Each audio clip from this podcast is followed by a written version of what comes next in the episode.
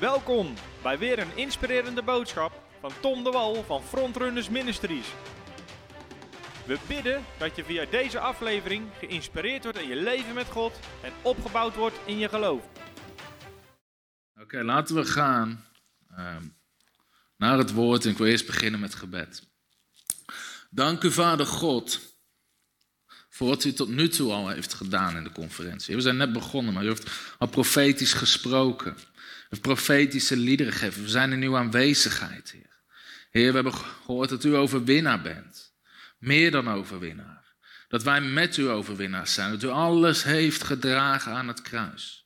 Heer, en ik bid voor deze conferentie, voor iedereen, voor een openbaring van geloof. Een openbaring van geloof. Heer, dat u voor een ieder een woord heeft. Dat u tot een ieder hart spreekt, Heer.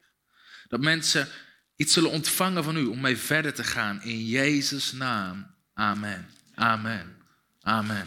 Weet je, ik wil je ook altijd aanmoedigen. Ik zal zo nog iets meer over mezelf vertellen, omdat veel mensen nieuw zijn bij frontrunners. Maar ik wil je altijd aanmoedigen. Luister naar een preek. En ik heb zelf altijd iets om aantekenen, of nou mijn iPad is of een schrift. Want heel vaak zit er in één keer een zin tussen die God tot jou spreekt. Dat was gemerkt. En ik denk, hé, hey, dit is voor mij. En zo moet je altijd luisteren. Soms is het een Bijbeltekst. Op het moment dat die voorgelezen wordt, zonder dat die uitgelegd wordt, dat er één keer het God is die op je hart legt. Waar je dan mee aan de slag moet, waar je iets mee moet doen. En heel vaak luister ik zo naar preken. Dus ik heb altijd tactiek. Als ik, weet je, ik probeer altijd een preek te luisteren als ik in slaap val. Dan ondertussen zit ik altijd aantekeningen te maken. En kan ik alsnog niet slapen, dan heb ik heel de preek uitgeschreven. Maar zo vaak zitten er dingen in. Gisteravond ook die prediker leest een vers voor, wat ik al honderd keer heb gelezen. In één keer in mijn geest heb ik iets nieuws. Ik denk, hé, hey, zo heb ik het nog nooit gelezen. Één keer dat God spreekt, hey, ik wil dat je hiermee aan de gang gaat. En dat is de manier waarop we moeten luisteren naar het woord van God. Want God is een sprekend God, amen. En dus, weet je, luister naar preken, luister naar onderwijs om het toe te passen. En te zeggen, hé, weet je, wat zegt God tot mij? Wat zegt God tot mij? Heel vaak heb ik gemerkt op conferenties dat mensen wachten op de bediening. Hè, tot er van mensen gebeden wordt, handen opgelegd wordt. Maar Jezus zegt, je zal de waarheid kennen en de waarheid zal je vrijmaken. Je zal de waarheid kennen en de waarheid zal je vrijmaken. Weet je, zo vaak als we een oproep doen, weet je, dan staan heel veel mensen vragen, dat is goed, het is goed om mensen te bidden. De Bijbel zegt dat. Maar heel vaak heb ik als er een woord gesproken wordt, zit er kracht in. Er zit kracht in het woord van God. Er zit kracht in het woord van God. En weet je, het woord heeft mijn leven veranderd. Heeft het woord jouw leven veranderd? Toen ik mijn eerste boek schreef, 50 redenen om te spreken in tongentaal, de eerste uitgever zei, we willen het niet uitgeven. Ik zei, waarom niet? Er staan te veel bijbelteksten in. Ik zeg, ja, het is een boek over een bijbels onderwerp. Waar moet ik het dan uithalen? Uit de magiet? Wat is dat nou weer? Er staan te veel bijbelteksten in. Maar we hebben het zelf uitgegeven. Het is een enorme zegen, halleluja. Honderden mensen zijn erdoor gevuld met de Heilige Geest, spreken in tongentaal. En van krijgen we horen, geweldig boek en goede bijbelse onderbouwing. Nou, dat was het doel. Amen. Er staan te veel bijbelteksten in een christelijke uitgever. Waar haal je dat vandaan? Sommige mensen denken, wat is dit voor preek? ik hou er gewoon van om dingen te zeggen, oké? Eh, ik zal iets meer vertellen over mij, voor mensen, omdat veel mensen kennen me niet, kennen ons niet, frontrunners niet. Um, mijn naam is Tom de Wal en uh, dit, dus bediening frontrunners zijn we drieënhalf jaar geleden zijn we gestart. Het eerste jaar hebben we eigenlijk volledig gegeven aan onze lokale kerk, waar ik samen met mijn vrouw jeugdleider was en aanbidding deed. En tweeënhalf jaar geleden zijn we begonnen om eigenlijk frontrunners zelf, onze organisatie te bouwen. En ik ben tot geloof gekomen tussen mijn 16e en 17e levensjaar. mijn ouders namen altijd mee naar de kerk. Ik heb prachtige ouders, hele lieve ouders. Alleen ik had niks met de kerk en ik had niks met God en ik had niks met geloof. Sterker nog, ik had er meer een hekel aan, want ik vond het saai. En ik had geen zin in saaie dingen. Ik was een typische tiener, die heeft geen zin in saaie dingen. Dus ik dacht, God is saai, geloof is saai, daar doe ik niks mee. En op een gegeven moment moest ik categorisatie doen. Dat vond ik ook saai.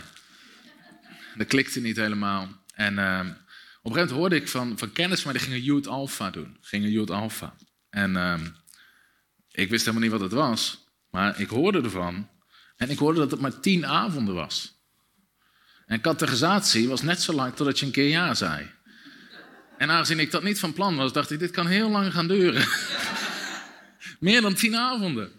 Dus ik ging naar mijn moeder toe. Ik zei, mam, ik heb een goede deal. Ik ga naar Alpha toe en hoef ik niet naar categorisatie toe. En mijn moeder zei ja. En ik dacht, ha, ik heb ze. Ik zit, ik zit die tien avonden uit en daarna zien ze me nooit meer terug. En Tommy die heeft gewonnen. Dat dacht ik. Maar God had een ander plan. Tijdens die, tijdens die alfa raakte God mijn hart. En op een, van die, op van die avonden ging het over dat Jezus bloed, bloed zweet in de hof. En ik zei, dat kan niet. En uh, ik zei, dat bestaat niet. Nooit van gehoord, dat bestaat niet. En die alfa zei, oké, ga het maar uitzoeken. Dus ik met mijn eigen wijze hoofd naar huis, op Google. En ik kwam erachter, het kan echt. Het kan echt. Medisch kan het. Toen dacht ik, weet je, misschien is de rest ook wel waar. Misschien is de rest ook wel waar. En we hadden een heel groot alfa-weekend van alle alfa-groep in Nederland. Met alle, alle youth. En was, volgens mij op de battle was het. Honderden, honderden jongeren. Weet je, en al mijn vrienden die zaten me uit te lachen. Wat ga je doen? Ga de hele tijd met je handen in de lucht staan? Wat ga je dat doen? En ik dacht, dit is het laatste weekend, oké? Ik ben straks ben ik weer terug. en ik dacht, ik hoef nog één weekend. En tijdens een van die diensten, de prediker is aan het prediken en hij vraagt iedereen om zijn ogen dicht te doen op een gegeven moment. En met dat ik mijn ogen dicht doe, zie ik, zie ik een visioen en staat Jezus voor mijn neus. En in mijn leven tot die tijd, omdat ik zonder God wandelde en ik was beschadigd, had ik enorm veel problemen opgebouwd. Ik was agressief en eigenlijk ging mijn leven nergens heen, heel veel stappen, heel veel drinken. En ik had eigenlijk alleen maar problemen opgebouwd en ik wist, ik had geen idee welke kant ik op moest. Maar ik deed mijn ogen dicht en ik zag Jezus staan. Hij stond voor mijn neus en hij strekte zijn hand uit. Hij zei, Tom, als je al je problemen aan mij geeft, los ik ze voor je op. Ik dacht, dat is een goede deal. Veel meer wist ik niet van het evangelie, maar ik dacht, dit, is, dit klinkt als een goede deal. Dus ik zei gewoon, ik zeg, oké, hier zijn allemaal problemen, lost u ze maar op. En op dat moment voelde of iets uit mijn hart werd getrokken. Alle agressie was in één keer weg. Was in één keer had ik vervulling in mijn leven. En ik wist niet eens wat er gebeurd was. Ik wist alleen, ik heb Jezus gezien en ik heb een deal gemaakt met Jezus. We hebben een afspraak. En die, die avond werd ik vervuld met de Heilige Geest op die Alfa. En eigenlijk vanaf dat moment werkte God in mijn leven. En ik wist eigenlijk niet eens waar, waar ben ik aan begonnen. Dan kom je soms later pas achter met God. Heeft iemand dat ook wel eens doorgehad? ja? Ik denk op een gegeven moment dat Petrus toen, ook, toen, hij, toen hij door het water zakte, ook even dacht, waar was ik eigenlijk ook weer aan begonnen, weet je wel. Ik ging toch weer terug naar diezelfde boot, wat, uh, wat maakt het uit? Maar op een gegeven moment, maar dat is het leven met God. En ik kwam thuis en daarvoor zat ik alleen maar house muziek en allerlei dingen te luisteren. En ik dacht, dat je, ik wil je, weet je, ik wist gewoon, dit is fout. Weet je. Dat zorgde voor al die onrust, al die agressies. Ik ging naar huis, ik had doodskopvlag aan mijn muur. Ik trok, het van, ik trok het van de muur. Al mijn muziek gooide ik weg. En mijn kleding en die vlaggen zo, die gaf ik aan een vriend. Dat was later niet zo handig. Dacht ik van ja, weet je, zadel je hem ermee op. Maar ja, later heb ik me tot Christus geleid. Heeft hij Jezus aangenomen, is hij ook vrijgezet. Amen. Dus ik heb het weer goed gemaakt. We zijn weer vrienden. maar ik kwam thuis en ik wist alleen, ik heb een deal met God. Ik heb een deal met God. Als je al je problemen mij geeft, los ik ze voor je op. En ik dacht, nou, dat is mooi, want ik, heb, al, ik heb al een probleem. Ik, had, ik kwam thuis en ik besefte, ik wacht eens, ik heb kaarten liggen, hele dure kaarten voor allerlei feesten. En ik heb mijn vrienden beloofd om mee te gaan. En als je je woord geeft, moet je het nakomen, zegt de Bijbel ook. Laat u ja en ja zijn. Dus ik zeg, ik zeg, heer, ik heb iets beloofd.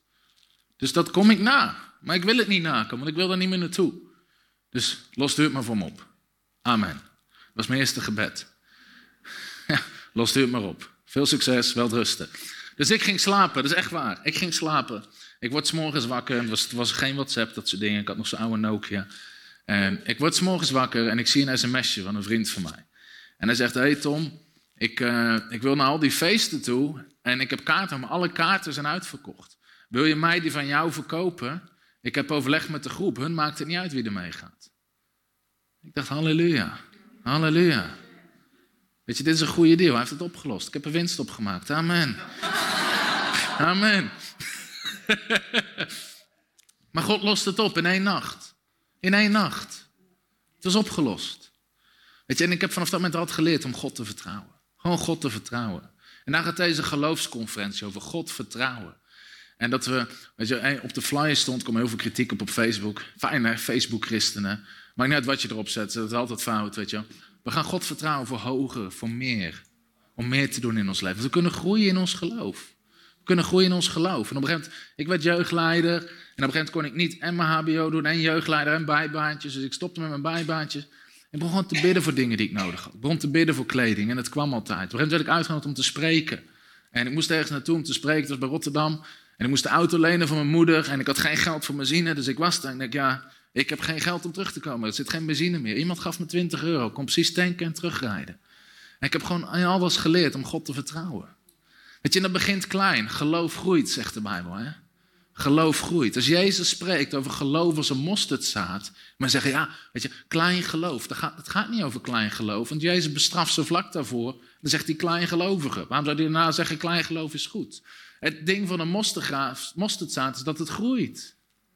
Dat is de gelijkenis van de mosterdzaad. Het groeit en het wordt groot. Dus Jezus zegt, gebruik je geloof. Ook al is het klein, maar dan gaat het groeien. En dan wordt het groot. Amen. En ik moet leren om God te vertrouwen voor kleine dingen. Voor kleine dingen, weet je. Nu hoef ik niet meer te bidden. Iedere keer als ik ergens moet spreken voor de benzine. Dus zo ben ik wel begonnen. Weet je, we kunnen gewoon beginnen met kleine dingen. En op een gegeven moment, jarenlang jeugdleider geweest. En ik was bijna klaar met mijn HBO. Mijn vrouw die was klaar met bijbelschool. We zouden gaan trouwen. En, en uit Engeland. We hadden allebei eigenlijk helemaal geen geld. En we zouden gaan trouwen. En God had op een bijzondere manier gesproken. En ik was klaar met mijn HBO-opleiding. En iedereen vroeg: wat ga je doen? Waar ga je werken? Wat ga je doen? Waar ga je werken? Maar vanaf de dag dat ik tot geloof kwam, bijna iedere samenkomst waar ik kwam, kreeg ik profetieën. Weet je, God gaat je gebruiken. Je gaat spreken over de hele wereld. Je, overal waar ik kwam, kom ik kreeg ik profetieën. Maakt niet uit, erachter in de zaal zat, voor in de zaal zat, overal waar ik kwam. Weet je, op een gegeven moment was het in onze kerk. Ja, de jongen op de achterste rij, heel de. Oh, hij weer. Weet je, ik deed niks, ik zat er gewoon. En weet je, overal waar ik kwam, een lijst vol met profetie, allemaal hetzelfde. God wil, dat je, God wil je een prediker maken. Je zal gaan spreken, je zal veel jongeren winnen voor, voor Jezus. En, dus ik wist, weet je, God heeft een roeping op ons leven. Dus toen ik klaar was met mijn HBO, ik zei, ik ga drie weken bidden en God zoeken. En ik was drie weken aan het bidden en drie weken lang zei God niks. En een na drie weken, ik had niet van tevoren gezegd drie weken, ik, ik had gewoon, ik ga bidden tot ik God hoor. Op een woensdag, midden terwijl ik aan het bidden ben, hoor ik kraakhelder de stem van God. En God zei, ik wil je fulltime gebruiken in bediening. En, en dat, is, dat is de weg die je in moet gaan. Dus ik had een woord van God. Weet je, we moeten in bediening gaan. We moeten, moeten iets gaan starten. En ik zei, heer, als dit van u is, wil ik dat u het bevestigt. En de dag daarvoor, de dag daarna, donderdag, ik had tegen niemand iets gezegd. Ik was in een samenkomst met Amersfoort. Volgens mij was jij erbij, Tessa. En de prediker Steve Meyering, die profetische avond komt doen binnenkort. Hij stopt tijdens de preek en hij begint over mij te profiteren. Hij zegt, God roept je nu fulltime de bediening in. Ga je organisatie opzetten, het geld gaat eraan komen, mensen gaan je helpen en je bediening zal starten. En we zijn gestart. We zijn gestart. Dan moet je kijken waar we na drie jaar staan. Na drie jaar. Alleen God kan het doen. Amen. Alleen God kan het doen. Hij is een goede God. Hij is een goede God, maar hij wil dat we hem vertrouwen. Dat we hem geloven. Dat we ons leven neerleggen voor hem. Maar Heer, wat wilt u dat we doen? Wat wil u dat we doen? Weet je, met alles hebben we altijd moeten leren om God te geloven. Om God te geloven. Geloof heeft gewoon vertrouw God. Je vertrouwt God. God volledig vertrouwen. En daar wil ik vanavond ook spreken. Omdat we ervaren echt een mandaat met onze bediening om te spreken over geloof. En geloof te bouwen in Nederland. En wat je merkt is bij heel veel mensen, heel veel kerken waar je komt, dat ze eigenlijk niet weten hoe geloof werkt. Hoe ga ik God nou ergens voor vertrouwen? Jezus zag geloof als een gereedschap. Hij vroeg soms, joh, waar is je geloof? Ja, maar dan zeg joh, waar is je hamer? Weet je wel? Waarom heb je het niet gebruikt? Maar hoe gebruik je je geloof dan? En in Nederland, op een gegeven moment in de jaren negentig, heb je een geloofsbeweging gehad en die zijn enorm afgehouden. Want in Nederland zijn we opgevoed. Doe maar normaal, dan doe je al gek genoeg. Doe maar normaal, dan doe je al gek genoeg. Weet je wel, geen grote dingen, geen rare dingen, klein. Ik in mijn kleine hoekje, jij in het jouwe. En vanuit Calvinisme, als de Heer het wil, gebeurt het wel. Toch? Je hoeft nergens voor te geloven, je hoeft niet actief te... Als God het wil, gebeurt het wel. Zeggen mensen vaak ook over genezing. als God me wil genezen, gebeurt het wel. Laat me één iemand zien in de Bijbel die gewoon over straat loopt en genezen wordt. Zonder dat er iets gebeurt, zonder dat iemand voor hem bidt, zonder dat jij ze aanraakt. Niemand. Niemand. Iedere keer gebruiken mensen actief hun geloof. Om God te vertrouwen, toch? Dus we mogen leren hoe we God kunnen vertrouwen. En als we, als we niet spreken over geloof, en als we geen openbaring hebben over geloof, blijven we altijd klein en met weinig invloed. Als de kerk, als lichaam van Christus. Bezig met kleine dingen. Heel veel kerken zijn bezig met kleine dingen. Hoeveel mensen zijn bezig met kleine dingen. Maar de hele Bijbel lezen we dat God mensen groot wil gebruiken. Normale mensen die hun leven neerleggen en God kunnen geloven. Dit zijn de mensen die de wereld op zijn kop zetten. Handelingen 17. Oh, dit zijn de mensen die de wereld op zijn kop zetten. Oh nee, heb je hem weer. Heb je eens gehoord van George Muller? George Muller was in Bristol. Op een gegeven moment, gewone man, maar geloof in God. En hij kreeg zo'n hart voor weeskinderen, om weeskinderen op te vangen. Dus hij begon weeskinderen bij hem thuis te verzamelen. Ik heb laatst nog zijn autobiografie gelezen, zijn biografie. En zijn eigen huis werd te klein. Want hij kon maar zoveel kinderen opvangen. Hij ging bidden voor een, voor een huis. En mensen begonnen hem geld te geven. Hij zei tegen niemand iets. Mensen begonnen hem geld te geven. En hij kocht het huis ernaast op. Op een gegeven moment, heel de straat was van hem. Hij bleef maar bidden. Hij zei, heer, we willen meer kinderen. We willen meer kinderen opvangen. We willen meer kinderen opvangen. Grote getuigenissen. Op een gegeven moment had hij honderden kinderen. En iedere dag geloofden ze God voor eten. Er is een verhaal dat op een dag is er geen eten. Maar hij roept iedereen naar de eetzaal. Hij zegt tegen iedereen, ga zitten. En dan begint te bidden. Vader, dank u wel dat u het eten zegent. Er staat niks op tafel. Dank u wel dat u het eten zegent. Pok, pok, pok wordt op de deur geklopt. De bakker. Ik was brood aan bakken en God sprak dat ik het hier moest brengen. Wauw. Man van geloof. Op een was er een, was er een, was er een in die omgeving. Als George Muller over je schutting kijkt, kan je de boel verkopen. Dan kan je de boel verkopen. Als hij het op zijn hart had om iets te kopen, ging hij God bidden voor het geld. Aan het eind van zijn leven, ik heb het teruggerekend, in die tijd had je natuurlijk hele andere. Aan het eind van zijn leven heeft hij 750 miljoen euro ontvangen. 750 miljoen. Dat is een hoop geld, hè? Er zijn dagen dat ik het niet verdien. Het zijn er niet veel, maar ze zitten ertussen, hè? Dat is een grap. Soms ik echt. Nee, dat is een grap. Maar ja, het is veel meer.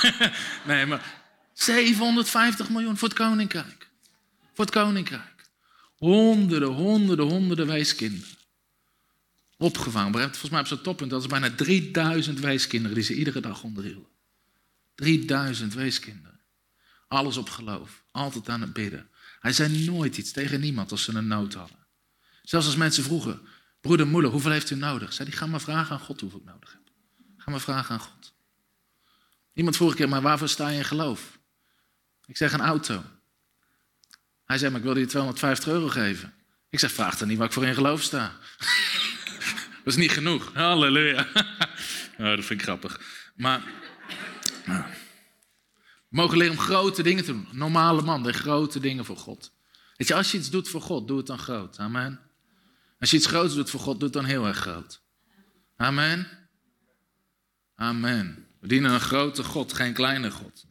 En als het gaat om geloof, dus Jezus zag geloof als een kracht, als een substantie om situaties te veranderen. Heel vaak vroeg Jezus mensen aan zijn discipelen, waar is je geloof? Waar is je geloof? Als, als een situatie niet omdraait of er gebeurt niet, zei hij, waar is je geloof? Waar is je geloof? Dus Jezus vroeg mensen heel vaak naar hun geloof. Heel veel mensen in de kerk houden niet van als je over geloof praat. Nee, dat is te Jezus had het heel vaak over geloof. Zei hij, waar is je geloof? Gebruik je geloof. Jezus, op een andere plek, was hij versteld vanwege een ongeloof. En kon hij er geen wonderen doen. Dat is wat. Op hoeveel plekken in Nederland kan Jezus geen wonderen doen door het ongeloof? God kan nooit meer doen dan waar jij hem voor kan geloven. God kan nooit meer doen dan waar jij hem voor kan geloven en vertrouwen. De ene stad, Nazareth. Jezus kon geen wonder doen vanwege ongeloof. Volgende stad, hij wekt iemand op uit de dood. Zelfde Jezus, andere stad. De ruimte die ze hem gaven door het geloof. Maar op andere plekken zegt de Bijbel, Jezus was versteld vanwege het grote geloof van iemand. Van de hoofdman, die kwam. Groot, ik heb zo'n groot geloof nog niet in Israël gevonden. Onder de Joden vond ik niet, maar aan heiden wel. Is dat wat, hè? als Jezus naar jou kijkt? Zegt, wauw, zo'n groot geloof heb ik in Werkenam nog niet gevonden. In Breda nog niet gevonden. In Gorkum nog niet gevonden. In Nieuwendijk nog niet gevonden. Is dat wat als Jezus dat zegt? Groot geloof. Amen. Wie wil de groot geloof? Daar gaan we naar bouwen. Groot geloof. Nou is het belangrijk dat we over geloof praten. De Bijbel zegt: geloof komt. Geloof komt. Dus geloof kan komen, geloof kan groeien. En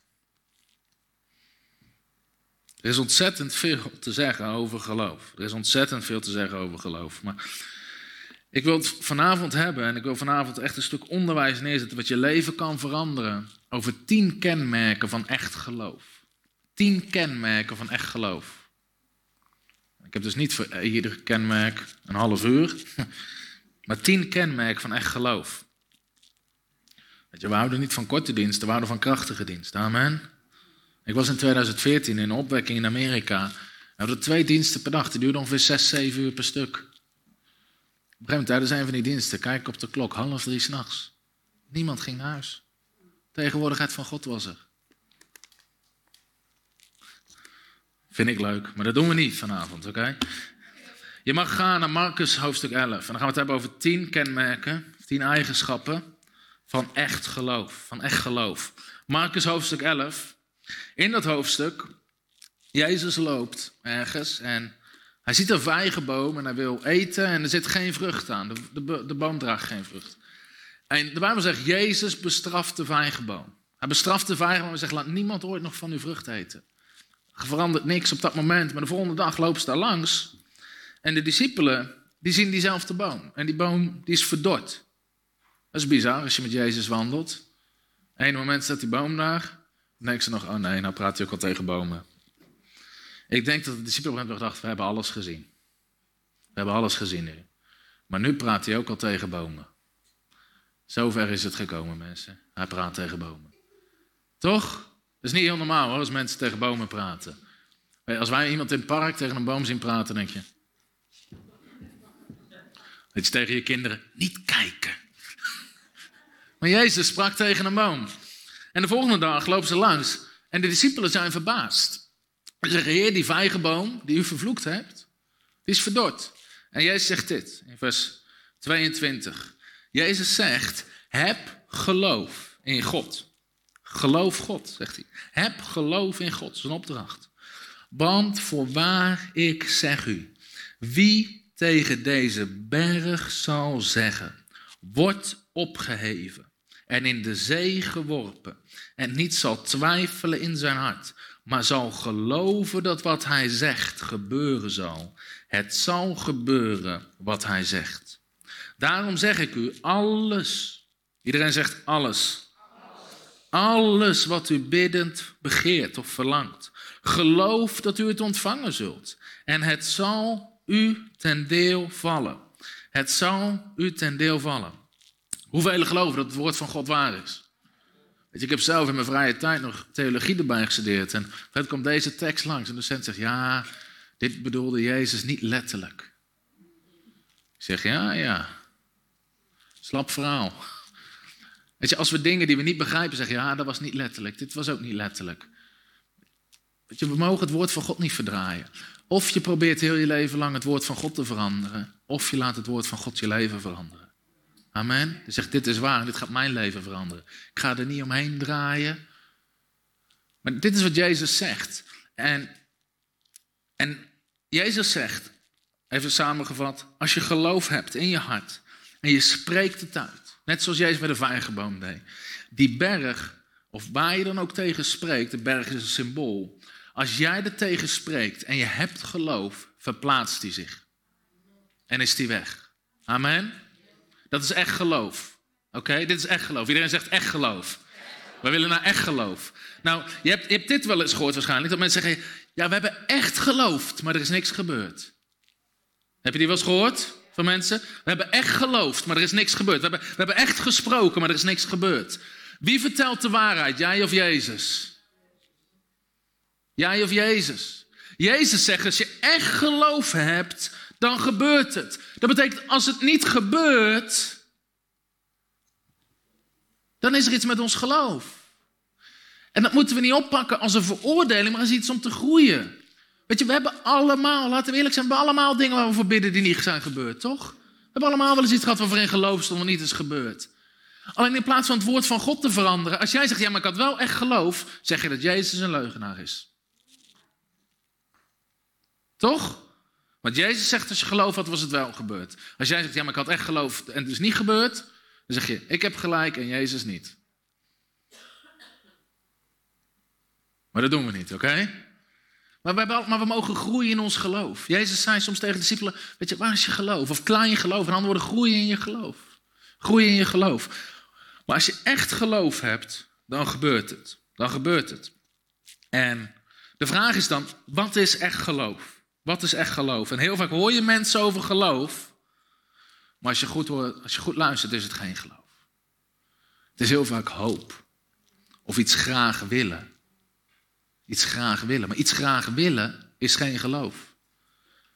Weet je, we hebben allemaal, als, als een geliefde ziek is of we zelf ziek zijn, willen we allemaal dat die persoon graag geneest, dat we, dat we genezen, toch?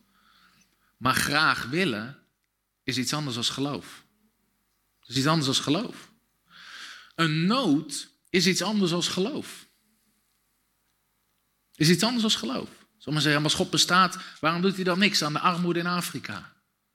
Dat is een nood, maar dat, dat is niks geen geloof. Weet je, God wil ook dat iedereen gered wordt, maar niet iedereen is gered. God handelt niet op basis van nood, hij handelt op basis van geloof. God zoekt geloof. Dus wat is echt geloof? Dan mogen we leren, wat is echt geloof? Geen hoop, geen wishful thinking, niet graag willen, daar zit een verschil in. En ik wil met je praten over dat verschil. Wat is nou het verschil? Wat is echt geloof? Wat is echt geloof? Het eerste kenmerk is echt geloof kent geen onmogelijkheden. Echt geloof kent geen onmogelijkheden. En dit daagt ons hele leven uit. Marcus 9, vers 23. Die hoef je niet op te zoeken, want we hebben, we hem op de muur gezet. Want we dachten, die komt toch iedere dienst terug. Er komt een man naar Jezus toe en die zegt: Heer, als u iets kunt doen. En heel veel christenen gaan zo naar God toe. Och, als de Heer toch iets kon doen. Als de Heer toch iets kon doen. En Jezus zegt: Als jij kan geloven. Alles is mogelijk voor degene die gelooft. Halleluja. Alles is mogelijk voor degene die gelooft. All things are possible for the one who believes. Dat betekent, als jij een gelovige bent, zijn er geen onmogelijkheden meer in je leven. Dus stop met denken in limieten. Bij denken te beperkt. Bij denken gelimiteerd. Als het gaat om George Muller, weet je, als iemand tegen jou zou zeggen van tevoren, joh, je gaat in je leven 750 miljoen euro ontvangen om weeskinderen te helpen. Heel veel mensen kunnen er niet eens bij met hun hoofd, toch? Want we vinden 10.000 euro al heel veel geld. En 100.000 helemaal en een miljoen helemaal. 700. We kunnen er niet eens bij. We denken gelimiteerd. We kunnen er niet voor geloven. We zullen het nooit aanraken of proeven. Omdat we beperkt denken. Maar George Muller liet zien wat God kan doen met een simpele man. Een gewone man. Die geen limieten had. Die geen limieten had. Die zich alleen maar druk. En vaak denken we beperkt. En echt geloof kent geen onmogelijkheden, want alles is mogelijk voor wie gelooft. De Bijbel zegt in Jeremia 32, vers 17, dat is een tekst die mij heel vaak bemoedigt in mijn geloof. En dan zegt God, ik ben de Heere, de God van alle vlees. Zou voor mij maar iets te wonderlijk zijn. Zou voor mij iets te moeilijk zijn. Mensen verdienen de God die de hemel en aarde gemaakt heeft. Uit niks, er was niks. En God schiep, God creëerde de hemel en aarde. Hij kan alles. Hij kan alles. Zou voor mij maar iets te moeilijk zijn. Weet je, de eerste keer dat ik de prijs zag van dit gebouw, dacht ik, oh, dat is veel te hoog. En God meteen, zou voor mij iets te moeilijk zijn. Dus we moeten groeien in ons geloof, amen. We moeten groeien in ons geloof. Alles is mogelijk voor degene die gelooft. En daarom hou ik van geloof. Waarom? Geloof maakt een bovennatuurlijk persoon van ieder normaal persoon. Is wat geloof doet. Dan zeg je, ja, maar ik ben maar zo normaal. Prijs God. Maar zo normaal ben je niet. Geloof koppelt Gods onmogelijkheden. Of Gods mogelijkheden aan jou. Niks is meer onmogelijk. Je, ik ben ook heel normaal. Ik ben opgegroeid in Dussen, een dorpje met 2000 mensen. Een heel normaal gezin. Soms zeg je, maar, weet dat kan Tom. Weet je, wonderen, dat gebeurt met Tom. Heel normaal. Iedereen is normaal. Ik hoorde ooit het verhaal van een, van een hele bus met toeristen die door een heel klein stadje heen kwam. En ze vonden, zaten een beetje het stadje belachelijk te maken dat het zo klein was. Er zit een oude man op een bankje en ze stappen uit. En hebben die toeristen lachend. Hoeveel beroemdheden zijn hier geboren in dit dorp? En die man zegt, geen, alleen maar baby's. Iedereen wordt normaal geboren, amen. Wordt allemaal geboren als baby. Amen. Maar geloof haalt de onmogelijkheden van je leven af. En soms om mensen te uit te dagen, en dat doe ik vaak op bijbelscholen, dan vraag ik aan de studenten, dan zeg ik, wat zou je gaan doen voor God als je 100% de garantie had dat het zou lukken, je al het geld in de wereld had, je alle mensen had en je alle middelen had. En je had 100% de garantie dat het zou lukken. Dan zou ik dit gaan doen en dan zou ik dat gaan doen. En dan zou ik gaan even realiseren en dan, je, dan komen allerlei ideeën op gang. En dan zeg je, ja, maar we zitten hier toch maar weer normaal. Maar de waarheid is dat dat de situatie is. Want alles is mogelijk voor degene die gelooft. En God geeft je de garantie dat het lukt als Hij je zendt. Psalm 1. Alles wat de rechtvaardig onderneemt, zal gelukken. God geeft je al het geld. Filippenzen 4, vers 19. Ik zal voorzien in al je nood. Amen. We moeten groter gaan denken. Echt geloof kent geen onmogelijkheden. Echt geloof kent geen onmogelijkheden. En in Nederland, weet je, we denken klein. We leven in het land van nee, dat kan niet. Zodra hij zegt tegen ja, ik denk dat ik dit ga doen. Nee, dat kan niet. Nee, je kan niet. Ik weet niet of je hebt geprobeerd om iets bij de gemeente te regelen. Ja, ik wil mijn voordeur in een andere kleur schilderen. Nee, nee, dat kan niet. Nee, we hebben allemaal dezelfde kleur deur. Oh ja, ja. En een aanbouw, nee, nee, dat kan ook niet. Nee, dat kan niet. Weet je, in Nederland, als je begint te dromen, zeg maar, nee, dat kan niet. Doe maar normaal. Net als de rest. Allemaal hetzelfde. Nee, dat kan niet. Nee, dat kan niet. Christenen zijn soms hele fijne, bemoedigende mensen ook. Toen ik zei dat God ons groep had voor bediening. Nee, dat kan niet. Dat kan niet. Je moet een baan hebben. Ik zeg, maar heeft God, me niet, God heeft me niet geroepen om, om in de wereld een baan. Ja, maar dit kan niet. Dit kan niet. Nee, dat kan niet. Op een gegeven moment mensen, hoe ga, hoe ga je organisatie? Ik we gaan mensen aannemen, we gaan ze betalen. Andere mensen in de bediening zaten, nee, dat kan niet. Dat kan niet in Nederland. Je kan alleen maar met vrijwilligers werken. Dat kan niet. Je kan niet mensen betalen. Niet doen, dat kan niet. Dat kan niet. Op een gegeven moment, weet je, toen met dit gebouw bezig waren, nee, dat kan niet. Dat kan niet. We leven echt in een land van, nee, dat kan niet. Zodra je het gaat voor God, nee, dat kan niet. Nee, nee, oeh, nee. Weet je, vaak je eigen familie. Nee, dat kan niet. Nee, zo doen we het niet bij ons. Dat kan niet. Mensen proberen altijd te vertellen wat niet kan. Wat niet kan. Maar bij God is alles mogelijk. Bij God is alles mogelijk. Er zijn geen onmogelijkheden meer. Ik heb besloten, we gaan het koninkrijk bouwen en we gaan het goed doen. Amen. We zullen de beste mensen hebben en in dienst. We zullen gewoon 40 uur of meer gewoon het koninkrijk kunnen bouwen. We zullen de beste gebouwen hebben. Iemand op dit industrieterrein was boos op ons. Die hebben de mooiste locatie. Hij is goed, dat is de bedoeling. Die, die, hij diende een aanklacht tegen ons. Hij zei, als ze achter op dat rotstuk zaten, dan was het prima. Zitten we niet. Nee. Zitten we niet. Ja, maar dat kan niet. Sorry, we zitten er al. Ja, maar dat kan niet. Nee, dat kan niet. Weet je, toen we op een gegeven moment sprak God over, over een bijbelschool. We hadden het idee om online bijbelschool te doen met videocamera's en de docenten. op een gegeven moment, dus ik zei, oké, we gaan die school doen en we gaan hem op YouTube zetten en hij is gratis. Zodat we overal het hele land mensen toe kunnen rusten. Mensen begonnen op te bellen, Tom, dat kan niet. Dat kan niet. Wat is je verdienmodel? Ik zei, mensen veranderen, dat is mijn verdienmodel. Veranderde mensen willen graag geven aan het koninkrijk. Amen. Weet je, nee, dat kan niet. De docenten, die sommigen vroegen, ja maar, ja, maar wij krijgen toch wel vergoeding? Ik zei, joh, maakt mij niet uit, je krijgt gewoon vergoeding. Ja, maar jij doet het gratis. Je biedt toch gratis aan? Ja. Nou, dat kan niet. Ik zei, ja, dat kan wel. Kan wel. Amen. En het kan. Vandaag de dag doen we het. Onze gratis parttime school. Maar zeg, ja, maar dat kan niet. Dat kan niet. Welkom in Nederland. Nee, dat kan niet. Sommige mensen kunnen gewoon een shirt kopen. Dat is toch een antwoord op alles. Nee, nee, dat kan niet. Nee. We denken zo in onmogelijkheden. Ik moest een keer spreken in een kerk en die zaten in een gebouw. En op een gegeven moment zei ja, ja, we moeten waarschijnlijk uit dit gebouw, want uh, we zitten hier nou heel lang het is een mooi gebouw, maar uh, ja, ze willen het misschien voor iets anders gaan gebruiken. En ik zei, joh, waarom koop jij het dan niet? Nee, dat kan niet. Dat kan niet. Zei, hey, dat kunnen we nooit betalen. Ik zeg, ja joh, dienden wij maar de God die alle goud en zilver had, hè? Maar ja, helaas. Zo is het niet. Weet je, we denken vaak zo beperkt. We denken in menselijke mogelijkheden. Mensen vragen zo vaak, ja, wie financiert jullie bediening? Ja, een oude Joodse man. Oh, wie dan? Jezus Christus. Amen. Amen.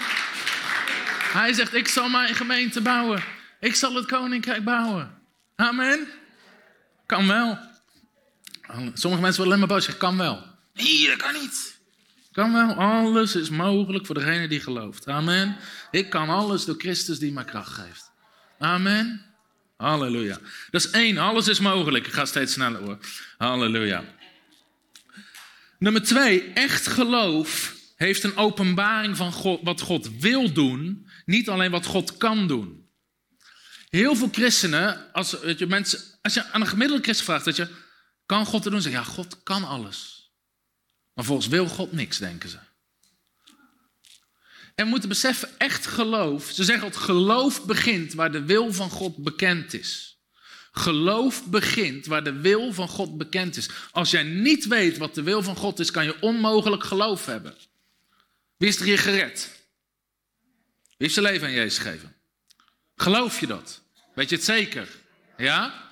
Waarom? Omdat je de wil van God zeker weet. Dat God wil dat alle mensen gered worden. En Jezus is voor mij gestorven. Je weet de wil van God. Maar voor de misschien de mensen die, die niet kerkelijk op zijn gevoed. En die later tot geloof zijn gekomen. Misschien de allereerste keer dat je hoort dat God van je hield. Dat je dacht van, is dat echt zo? Is dat echt zo? Heb je nog geen geloof? Maar je hoort het opnieuw en opnieuw. Tot je beseft, God wil mij ook redden. En dan heb je geloof. Weet je, het gaat er niet om wat God kan doen.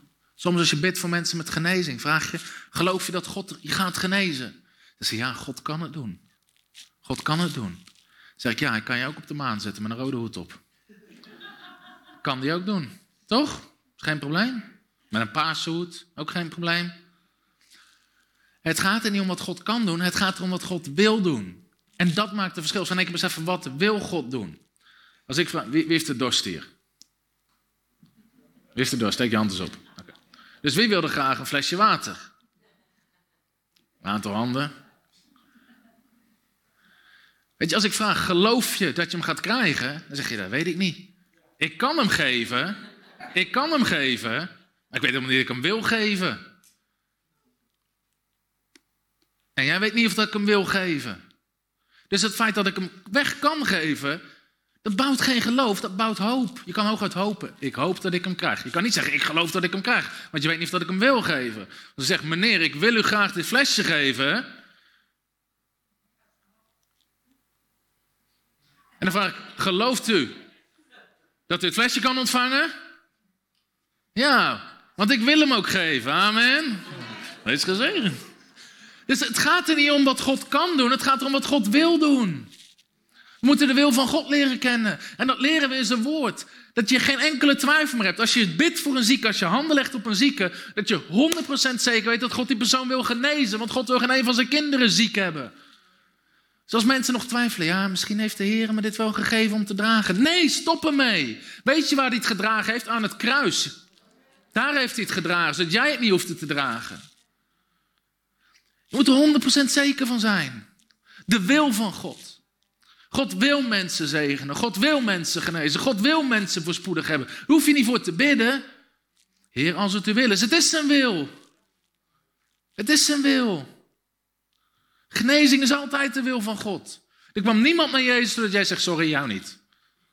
Nee, God wil jou ziek hebben. Volgende. Ah, Bartimaeus. Ja. ja, jij stond op de lijst. Maar God wil het. Niemand. Hij wil iedereen genezen. In Marcus hoofdstuk 1 komt er een, mijn laatste naartoe. Zegt, Heer, als u wil, kan u me reinigen. Hij wist dat Jezus het kon, hij wist niet of Jezus het wilde. En Jezus zegt, ik wil het. Ik wil het. Is niet, laat me even bidden. Heer, wilt u deze mijn laatste reinigen? Nog niet uw tijd. Hij moet nog iets leren. Ah, oké. Sorry. Toch? Jezus hoeft er niet over te bidden. Ik wil het. Ik wil het. Dat is de wil van God. Je moet de wil van God weten. Je moet de wil van God. Sommige mensen vroegen mij. Ik hoorde een keer een, een evangelist.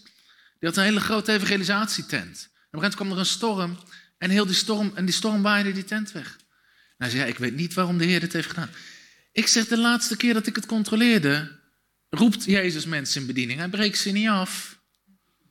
Jezus zit niet in de business van evangelisatietenten wegblazen. Hij bouwt ze op. Amen. Weet je, hoe moeilijk is het?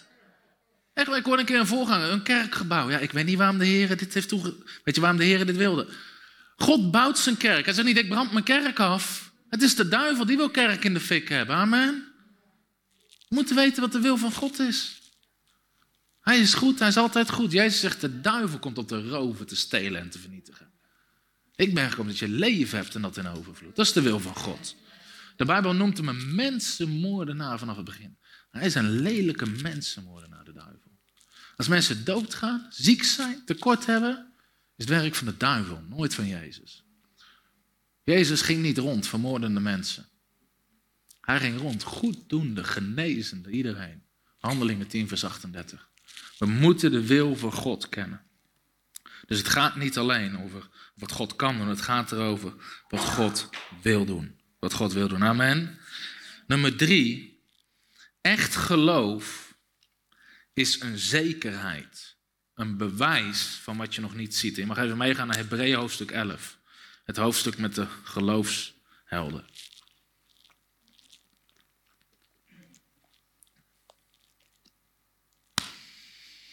Hebreeën 11 en dan vers 1. Ik hoop dat je de Bijbel mee hebt. Hebreeën 11 vanaf vers 1. En hier staat de definitie van geloof, wat geloof is. De Bijbel zegt, het geloof nu is een vaste grond. De Engels zegt een assurance, een bewijs of een zekerheid. Een zekerheid van de dingen die we hopen. Dus het is de zekerheid van wat je hoopt. En het is een bewijs van wat je nog niet ziet. Je geloof in je hart is een bewijs van wat je nog niet ziet geloof beschouwd als een feit wat nog niet gezien kan worden in het natuurlijke. Het is een absolute zekerheid. En ik vergelijk het al met het bekende voorbeeld van de McDonald's. Wie kent hem? Wie eet er wel eens bij de McDonald's? Wie niet? Wie steekt zijn hand niet op, wat ik ook vraag vanavond? Oké. Als je bij de McDonald's gaat eten, dan ga je naar de kassa of je gaat op zo'n hele grote, weet je, een computer, tablet, tik je wat je wil hebben. Dan betaal je. En als je bij de kassa betaalt, krijg je niet meteen je eten. Niet zo, oh heer meneer, hier is eten. Je krijgt een bonnetje. Dat bonnetje staat een nummer. Dat bonnetje is het bewijs. Dat je betaald hebt en dat je eten gaat krijgen. En nou, dan ga je in de rij staan. En dan ga je wachten tot dat scherm. En dan zie je jouw nummer. En op een gegeven moment komt jouw nummer. En dan is je eten er, toch? Dat bonnetje is het bewijs dat je je eten gaat krijgen. Weet je, als je mentaal gezond bent, sta je niet in de rij bij McDonald's. Ik hoop dat ik het ga krijgen. Ik hoop dat ik het ga krijgen. Wat als we niet krijgen? Wat gaan we als we niet krijgen? Ik hoop echt dat we het gaan krijgen.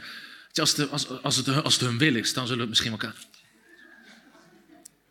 Weet je, je, je, staat daar zelfs in je recht. Want als je het niet krijgt, loop je naar en zeg: hé, hé, hé, hé. Hier, betaald, nummer 26, niet gekomen. Ik heb, dit is je bewijs. De Bijbel zegt, het geloof is het bewijs van wat je niet ziet. Het is een zekerheid. Geloof in je hart is een bewijs dat wat God beloofd heeft absoluut waarheid wordt zonder dat je het ziet.